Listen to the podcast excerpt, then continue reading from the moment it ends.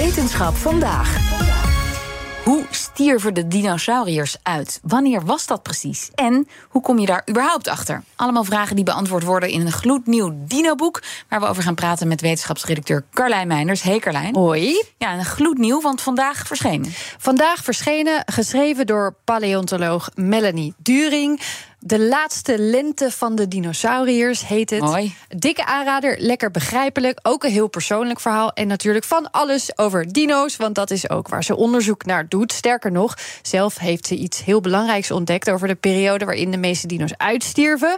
Dat onderzoek ging overigens alles behalve vanzelf. was een hele lange weg. Daar later meer over, want eerst moet je mensen natuurlijk wel even een beetje mee terugnemen naar het begin. Ik heb gezegd, de aarde is 4,6 miljard jaar oud. Ik zet dat gelijk aan de duur van jouw leven. En omdat ik het wil kunnen berekenen, heb ik voor het gemak bepaald dat jij precies 100 wordt. Spijt me, je sterft op je honderdste verjaardag, geen taart. En dan kun je het plotseling uitrekenen. Dan is het, nou ja, toen je geboren werd, was de aarde nog een vloeibare bal. Toen je twee jaar oud was, toen werd de korst hard. Toen je vier was, kreeg je eindelijk vloeibaar water. Het was wat laat, je had vast dorst. Met je zeventiende kreeg je eencellige. En dan ongeveer 50 jaar later kreeg je meercellige. Er gebeurt heel lang eigenlijk helemaal niks. En dan in de laatste 10 jaar van je leven, de laatste 460 miljoen jaar van de aardgeschiedenis, heb je plotseling vijf massa-extincties en allerlei complexe dieren en dino's die opkomen en dino's die ondergaan. Ja, en dat alles dan ook weer verteld aan de hand van hoe ze eigenlijk zelf paleontoloog is geworden. En je hoort het al, denk ik wel een beetje aan hoe ze praat. Ze kan het heel leuk. Ja, inderdaad. Ja, maar, maar Carlijn, ik heb altijd uh, geleerd van ja, dat kwam door die meteoriet en daardoor zijn de dino's uitgestorven. Wat is dan het belangrijke dat zij zelf heeft ontdekt? Nou, uh, During heeft in North Dakota onderzoek gedaan naar een interessante afzetting. En in die afzetting weten we dat er dieren zijn gevonden, vissen in dit geval, die zijn overleden op de dag dat de meteoriet insloeg die de dinosauriërs deed uitsterven. En deze vissen, die groeien hun botten net als boomringen.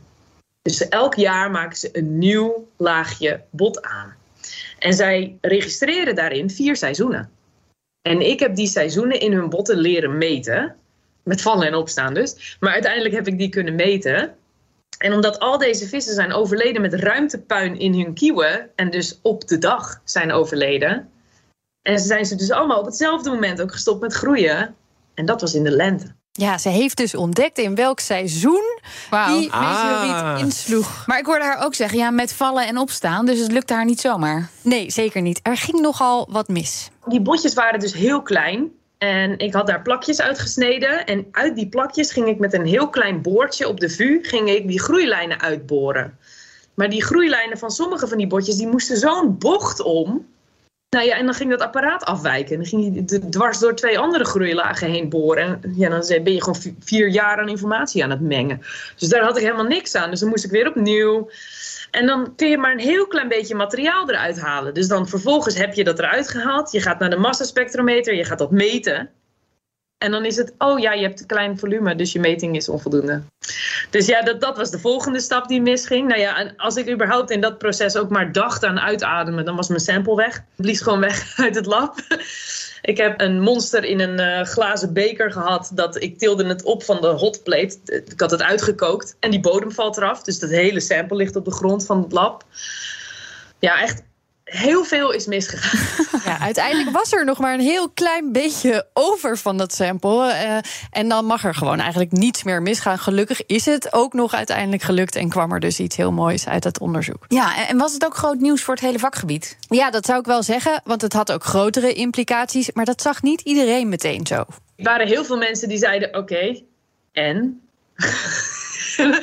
dat vond ik echt een hele goeie.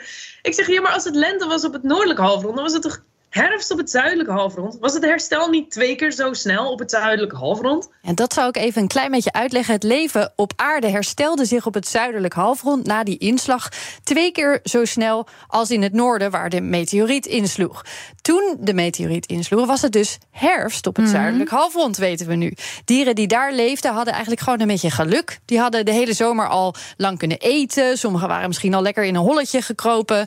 Dus weten in welk seizoen dit gebeurde, zegt ook iets waarom dat verschil er was tussen die halfronden. En is daarmee ook een mysterie opgelost? Nou, nog niet helemaal zou ik zeggen. Er is namelijk heel weinig data van het zuidelijk halfrond. Daar heb je bijvoorbeeld heel ander soort gesteenten. Daar vind je gewoon niet evenveel terug. Dan is het toch nog moeilijk vergelijken. Genoeg te doen nog dus. Ze wil hier zelf ook nog naar gaan kijken.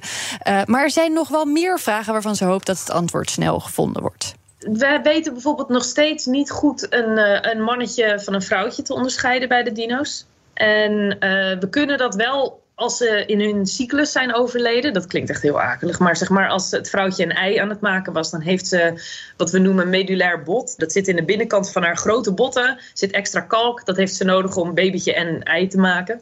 Heel logisch. Maar als ze dat niet maakt, dan is het dus voor ons of een mannetje of een vrouwtje dat niet op het juiste punt in de cyclus zat. En ik denk dat dat toch wel een vraagstuk is dat we echt wel kunnen oplossen. Mannetjes en vrouwtjes die moeten we uit elkaar kunnen halen. Weet ik wel zeker. Ja, dit en veel meer dus in de laatste lente van de dinosauriërs. Er staat ook een anekdote in over hoe de eerste dino ooit beschreven... volgend jaar is dat 200 jaar geleden... bijna naar een balzak was een vernoemd. Genoeg leuks. Uh, linkje vind je zo op bnr.nl slash wetenschap vandaag. Dankjewel, Carlijn Meinders.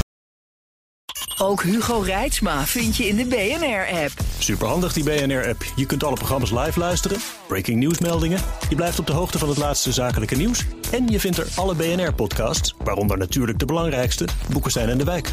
Download nu de gratis BNR-app en blijf scherp.